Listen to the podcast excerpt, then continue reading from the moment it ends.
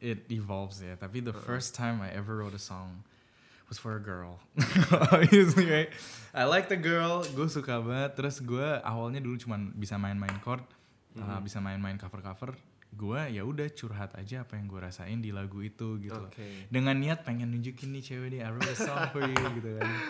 Penting banget di awal-awal buat kita indie itu biar kita tahu apa yang bakal dilakuin kalau kita like if we join a label what will they do for us Ya. jadi kita nggak bisa ditipu kita udah tahu kayak Iya, ah bener. ini ini gini ini gitu sih. Flow-nya lebih ke flow-nya. mungkin. iya so I think yeah doing it by yourself first is great learning experience banget sih karena kalau Iya. lo ngelihat album lo yang lama dan lo ngerasa itu puas kalau ini prinsip gue ya iya. ya berarti lo nggak ada perubahan kan gak ada improvement Oke. gitu kan dan makanya Oke.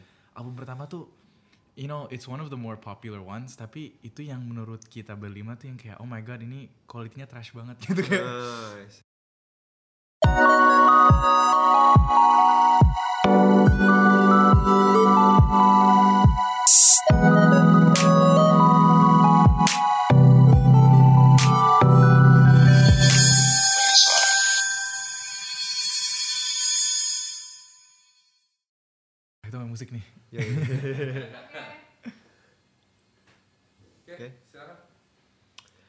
Halo bagi suara, balik lagi di sini sama gua Fauzan. Em, kali ini gua ngobrol sama seseorang yang emang gua dengerin mungkin dari zaman SMA 2017.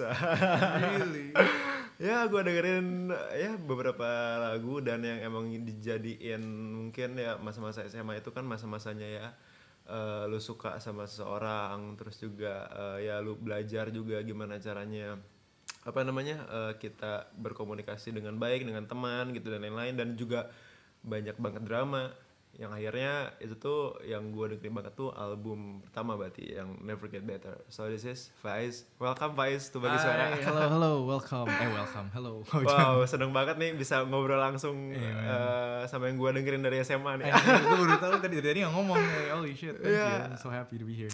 Ya bener gue juga langsung datang dari Bandung kebetulan. Iya dan karena waktu itu gue dikabarin sama tim bagi suara mau ngobrol sama seorang ya udah gas langsung.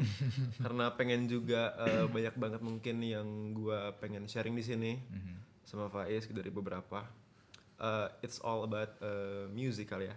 Oke today music day. Music jeng jeng jeng jeng. Tapi ini pertama-tama kalau misalnya eh, gua boleh eh, menanyakan sesuatu eh, ke Bang Faiz nih Eh, musik itu kalau menurut gue pribadi itu adalah kayak identik sama suatu karya dan yang gua rasa kadang-kadang kita tuh eh, susah banget untuk ngerasa puas akan sesuatu gitu ya. Entah itu misalnya eh, lo habis recording tiba-tiba denger hasil ah ini kurang nih kurangin ininya Iya, nih iya, iya, kayak iya. gitu-gitunya. Nah ini tuh ada gak sih eh, dari sekian banyak karya lo dari album pertama sampai kemarin single yang terakhir itu ada yang merasa kurang puas nggak atas karya yang lo iya. hasilin tuh?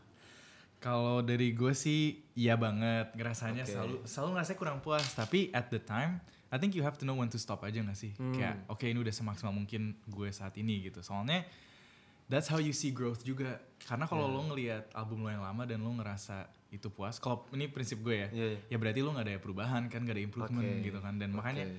album pertama tuh you know it's one of the more popular ones tapi itu yang menurut kita berlima tuh yang kayak oh my god ini kualitinya trash banget gitu kan see. malah jadi kayak sebenarnya kita nggak mau lo-fi tapi jadi lo-fi gitu karena emang Iya, iya. you know kita sangat limited with our knowledge kita kan nggak ada yang kuliah musik nggak ada yang apa namanya belajar produksian gitu-gitu kan. Jadi even album pertama tuh kita minta tolong sama teman yang tahu aja lah gitu. Oke. and that's why menurut gue ya kita nggak puas. Dan album 2 juga pas denger lagi aduh ini harusnya bisa lebih bagus lagi nih kurang puas. Dan gue juga yakin mungkin dua tahun atau setahun lagi gue ngeliat album barunya bakal kayak aduh kayak bisa yang Ya, barunya gitu. Iya, bisa improve terus lah. How about you? Do you feel that way too Um, kurang lebih sama sih. Mhm. Ya, gitu ya. karena ya juga sih mungkin karena emang musik itu adalah selera kali ya. Ya, Dan kadang-kadang eh seleranya ber- berubah-berubah gitu. Mhm, Entah itu misalnya eh, tiba-tiba eh gua kemarin dengerin oke pas besok pagi eh tiba-tiba ada yang kurang nih Iya, kayak gini. iya, iya, iya, ada yang iya. kurang apa gitu ya jadi ulangi lagi gitu nah tapi kalau misalnya kayak gitu dari eh, lo sendiri Mhm. apa sih yang jadi pembatas antara oke nih ini lagu eh, menurut lo udah cukup dan udah bisa di share ke banyak orang nggak? Hmm, kayak dari dulu sampai sekarang tetap sama sih parameter suksesnya itu dari kita berlima aja. Kita Oke. seneng nggak dengan karya kita? Are we happy with it? Are we proud of it? Kita suka nggak sih itu aja karena kita nggak nggak nggak gitu mikirin orang-orang bakal suka nggak ya kayak Hmm. um, ini bakal diterima orang nggak ya soalnya yang paling penting lo suka karya lo aja sih I think. And of course we know our limitations juga kayak Iya. kita ya udah segini sebagusnya ya udah deh gitu. Kita mau coba tambah-tambahin ganti-ganti. Kan udah ada period waktunya kan? Kita juga Hmm. bikin deadline itu juga harus tuh kayak kalau nggak ntar bakal terus-terusan kan? Gak rilis-rilis kan? Jadi pas Oke. udah deket-deket deadline kan udah ada banyak waktu buat review dan nambah-nambahin kurang-kurangin or tweak sesuai yang lo pengen. Kalau udah mentok ya udah kayak this is it Hmm. aja. Coba Bismillah aja udah Bismillah ya. Gitu Tapi lo awal berarti produksi semua sendiri kah atau? Ya man, album pertama tuh nggak ada vokal di kamar gue semua. Ah, Jadi kita tuh awalnya masih buta banget kan soal produksian. Jadi mikirnya kayak, ah, weh nyewa studio berapa ya? Kita di studio gini Iya, bla iya. bla, miking ampli bla bla kayak. Sampai kita uh, consult sama orang yang udah pernah ngerjain produksian, dia yang kayak langsung, elah kayak itu mah lu beli, beli sound card Hmm. aja udah sekarang semua digital gitu. Cause I think we also, excuse me, kayak we came up di waktu masa-masa digital was like digital production Yeah. udah mulai ini banget kan, mulai accessible. Dan dia yang kayak udah beli sound card aja. Oh iya itu apa ya? Itu buat bisa gini-gini. Oke, jadi kita beli sound card, sudah kita ngerjain sendiri rekaman semua di di rumah gue. Oke. Di kamar vocal boothnya tuh lemari baju gue. Jadi kalau Oh, yang iya, iya, iya, denger bener. ini pada punya album pertama tuh ada foto-foto Instax Polaroid gitu. Mhm. Ada yang kita lagi take, itu beneran lagi take di kamar gitu. Ah, So it's all by ourselves. Yang kedua baru mulai sama Tama, ada Hmm. produser dan Yeah. kita ngerjain di studio dia. Jauh lebih proper, jauh lebih dapat lah sound that we're trying to reach. And the third album, this upcoming album juga sama Tama dan we upgraded a little bit because we added a choir, kita Hmm. nambahin juga orkestra, kita kerjasama Yeah. sama orkestra dari Budapest gitu lah. Wow. Yeah, karena udah dapet backingan major label kan, jadi Yeah, ada yeah. ada duitnya. But yeah, awal-awal um, ngulik sendiri dan menurut gue itu juga penting buat lo tahu aja sih nanti kayak how it Yeah, works, right? Um, kayak lo tahu oh gini produksian. Jadi pas nanti di handle sama orang lain lo juga tahu kayak Hmm. bisa speak their language lah kalau mau ada feedback ganti Yeah, nama ini ya bener. kan. Tapi itu juga apply ke uh, the business side. Hmm. Sebelum kita kan awalnya indie banget tuh. Yeah. Sampai sekarang masuk ke label. Awalnya masuk manajemen, sekarang Hmm. masuk label. Penting banget di awal-awal buat kita indie itu buat kita tahu apa yang bakal dilakuin kalau kita like if we join a label, what will Hmm. they do for us? Ya. Jadi kita nggak bisa ditipu. Kita udah tahu kayak Iya, ah bener. ini ini gini ini gitu. sih. Flow-nya lebih ke Flow-nya mungkin. iya. So I think yeah doing it by yourself first is great learning experience banget sih. Oke. Dan pertama kali lo masuk AMI, Oh yeah. how does it feel? Kayak wow, Yo. gua masuk nih. Iya. Apa kayak sebuah waktu itu pencapaian banget gitu ataupun Iya, eh, iya, kayak iya. gimana? Jadi um, gue itu lagi nggak di Indo tuh waktu itu. Oh, oke. Soalnya seminggu apa seberapa minggu setelah rilis album pertama itu gue langsung cabut S2. Lo nya doang atau Iya, gue doang. Oh, Jadi. I wasn't there for all the stuff. Tapi pas dapat nominasi tuh shock aja sih kayak oh my Hmm. god kayak wow gitu kita dapet nih really gitu. Hmm. And alhamdulillah sih hampir setiap tahun yang kita ada rilisan kita masih masih masuk nominasi sih. So Ya. it's nice to be recognized sih. Kalau lo bilang tadi itu kayak goal atau something, sebenarnya it's never been a goal tapi it's a very very welcome apa ya thing to have aja sih. Jadi setiap kali itu pasti kita seneng dan norak gitu sebenarnya. Oh Iya. masuk guys dapet. Welcome to industry ya. Iya. kayak semacam Iya semacam kayak gitu. di ya. acknowledge lah. Walaupun belum pernah menang ya, semoga Iya, iya. semoga tahun depan bisa insya Allah. Amin, amin, amin. Aduh, pengen banget. BTW kalau em, berarti kalau misalnya soal writing a song Ya. itu kalau eh, Royalty Club apakah semuanya kah ikut kayak nulis atau Mhm, kayak mhm. gimana untuk eh, jadi sebuah lagu? Iya, iya. Um, jadi kan I think there's like different bands, right? Kayak Uh-uh. bands yang ngejam banget, bands yang kayak uh, a bit more individualistic, bands yang kalau kayak itu kan lu cerita tadi your band Ya. itu kan kayak you guys gabung together and then start from scratch, right? ya. Nah, kita tuh awal-awalnya tuh um, ada satu orang yang punya ide lagu Hmm. dan biasanya itu lagunya tuh udah kayak 60-70% selesai lah at least formnya ya mau itu cuma aku sekarang gitar doang habis itu dibawa baru ditambah-tambahin Uh, baru habis orang ini present to the band semuanya masukin input-inputnya gitu loh Hmm. dan itu menurut gua sampai sekarang uh, cara kerja yang paling works for us sih Oke. Karena sempat waktu itu produser kita bilang kayak kalian coba deh nulis dari nol gitu. Iya. Dan coba tuh kita kayak ngumpul berlima, it's so time consuming. Ah, Especially if you have more heads, right? Kalau kita berlima kan jadi kayak semua orang influence beda-beda lagi kan. Influence Betul. beda-beda, patokannya beda-beda. Apa yang lo bilang tadi music is about taste. So Iya. taste-nya beda-beda juga yang kayak menurut gue suaranya kayak gini enak, oh menurut gue enggak gitu. Iya. Jadi memang enaknya ada kepalanya satu aja yang punya apa ya, the leader of the song, Iya. nanti semuanya nambah-nambahin. Tapi Hmm. semuanya nambah-nambahin sih. That's why at the end of the day pas udah didengar sama orang-orang, menurut gue misalnya itu lagu gue yang nulis, itu udah bukan lagu gue lagi, itu udah lagu Reality Club karena Ah, oke. udah beda banget kan ditambahin bassnya Nugi, Iya, iya, drumnya Era gitu-gitu. Benar-benar. Tapi lo flow. termasuk orang yang percaya nggak kayak nada yang pertama lo tangkap itu kayak bakal jadi satu lagu gitu. Karena kadang-kadang kayak gue lagi makan atau misalnya lagi di jalan tiba-tiba nemu tuh nah nah nah Iya. tiba-tiba nemu tuh atau misalnya kata pertama yang lo Iya. tangkep lo percaya hal itu nggak sih kayak the magic of something gitu. Iya, gue percaya banget kayak the magic of insight, I think. Iya. Ya kan, karena lu kayak lagi ngap, lagi diem aja atau enggak lagi ngapain lo pokoknya kepikiran dan dan bukan harus nada sih menurut gue kayak anything, right? Bisa Iya. suatu konsep, bisa suatu ide, Yap. bisa suatu lirik yang lo pengen iniin, bisa satu melodi, bisa chord progression dan berangkat dari situ lo bisa bikin lagu. Menurut gue yes banget, karena that happens to me a lot. Dan itu yang bikin gue kadang kayak worried karena gue tuh bukan tipe songwriter yang gue nulis terus aja nulis, Hmm. nulis 10 lagu nanti ada satu yang enak, dua. Tapi kayak produktif gitu loh. Gue lebih kayak nunggu insight datang aja. Ah, I see. ya kan? Kayak ya udah kayak Nunggu wahyu ya. iya nunggu wahyu. Dan itu yang bikin gue rada deg-degan karena kayak what if it stops right? Iya. what if like someday inspirationnya udah gak ada lagi. Iya. kayak lu gak dapet insight lagi kayak wah gue bisa gak ya? Gitu. Iya, iya, betul. lu juga gitu? Iya, gue juga nunggu kadang-kadang wahyu. nunggu wahyu. Kadang-kadang eh, dan gue udah siap sedia ini sih kayak audio recording itu di HP iya pas gue lagi nutup pagar tiba-tiba set ada udah gue harus tiap ke kamar langsung gue rekam iya, lagi iya, iya. biar besoknya inget gitu Iya.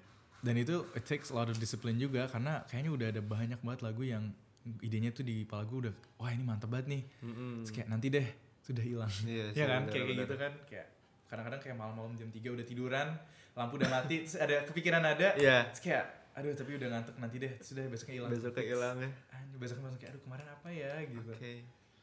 Tapi sih kadang-kadang ada temen gue yang gue nggak tahu ya ini eh, gue sempat dengar entah itu dari siapa kayak kalau misalnya eh, lo nangkep nih kayak suatu konsep atau suatu suatu nada gitu ya dan besoknya tiba hilang tiba-tiba hilang gitu berarti itu bukan rezeki kita Iya, atau bukan iya. lagu yang bagus gitu Iya, iya, iya, iya. soalnya kayak sesuatu lagu yang bagus tuh pasti kayak oh gue nemu nada ini nemu nada Hmm. itu gitu keinget terus gitu tapi kalau menurut gue sendiri sebetulnya emang gak tau gue emang orangnya pelupa ya jadi kalau konsepnya kalau gue emang harus selalu di eh, Langsung direkam aja terus. rekam Hmm. atau kayak gimana Benar-benar. ditulis kah atau kayak Iya, gitu iya, iya. soalnya itu berhubungan juga gak sih sama kayak apa yang kita baca apa yang kita lihat Ya, dan everything you dengar are, ya kan. Dan kalau buat lo tuh, eh, lo lebih sering dapat lirik kah atau kayak nada biasanya yang lo catat?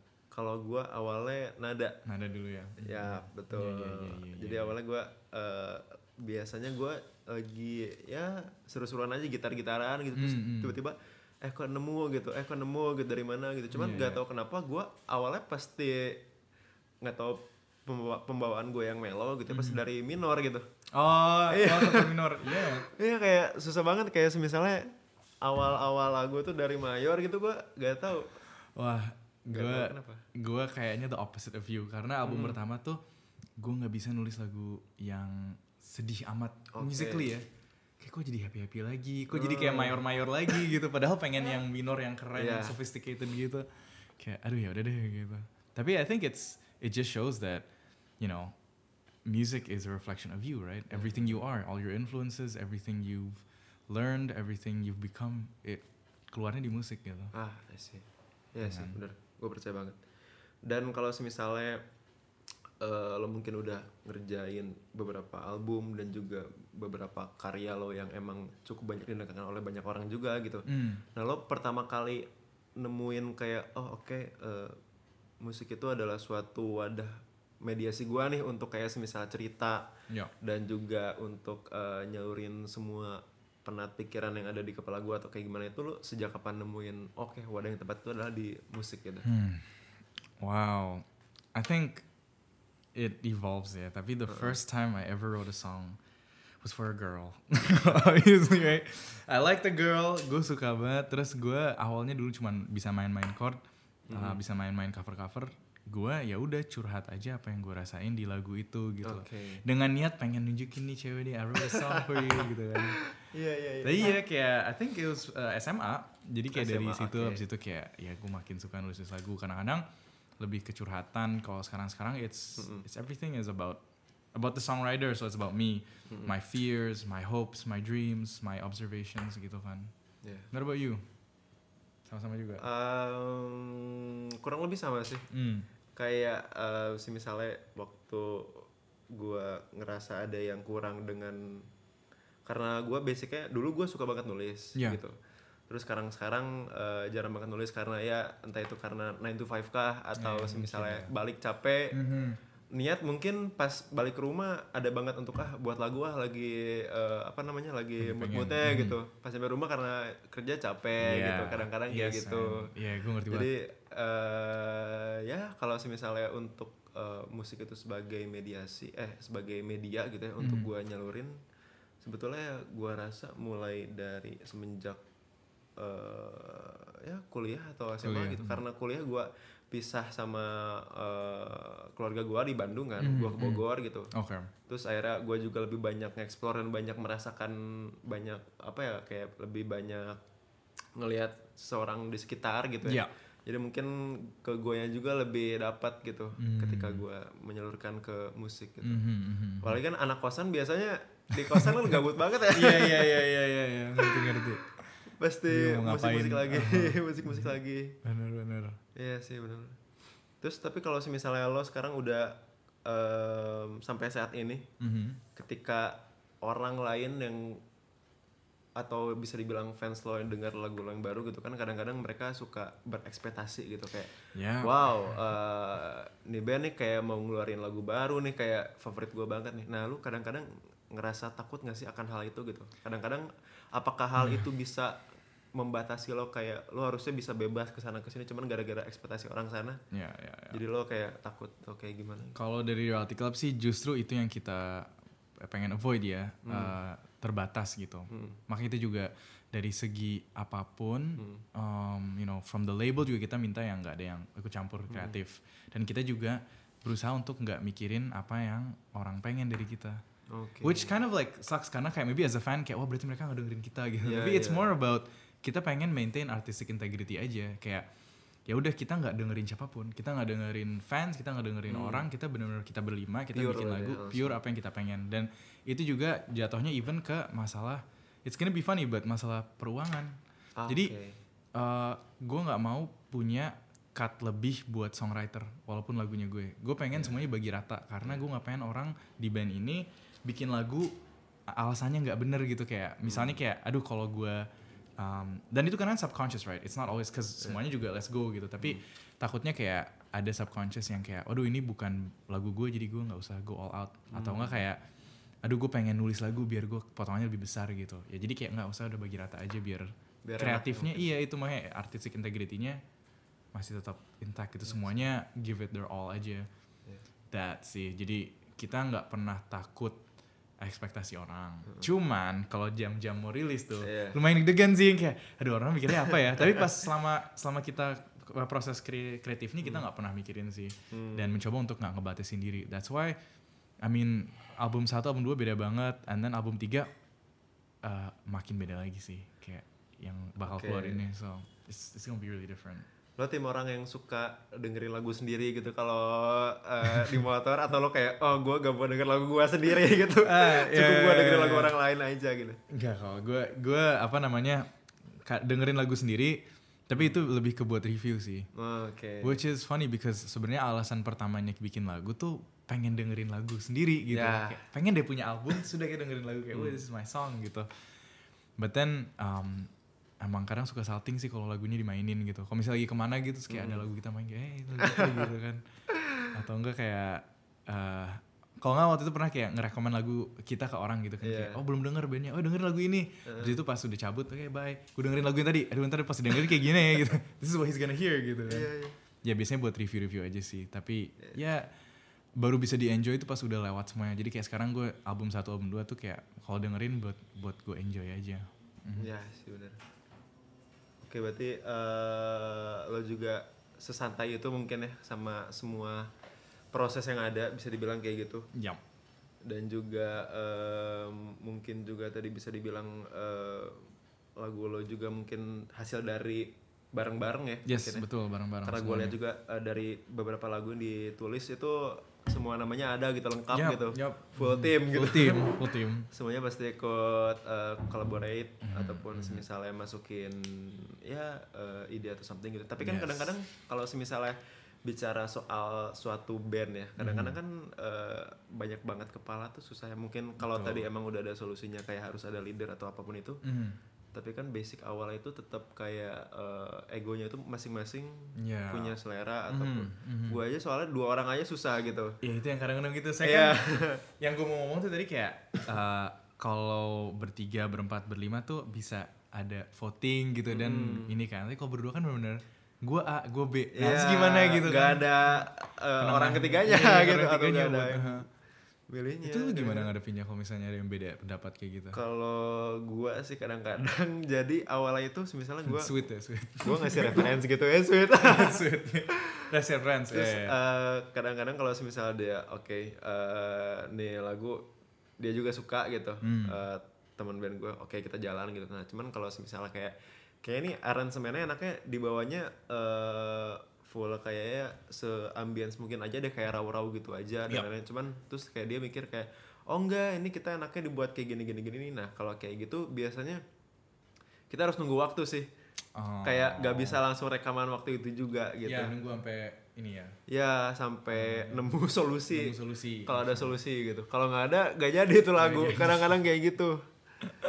Ya kadang-kadang Wow. kayak gak nemu dan lain-lain. Soalnya emang kalau ya bisa dibilang eh, kalau misalnya berdua terus eh, terutama yang satu ini teman gue juga punya beda referensi kan. Kadang-kadang kita suka beda pendapat tuh wajar sih sebetulnya ya.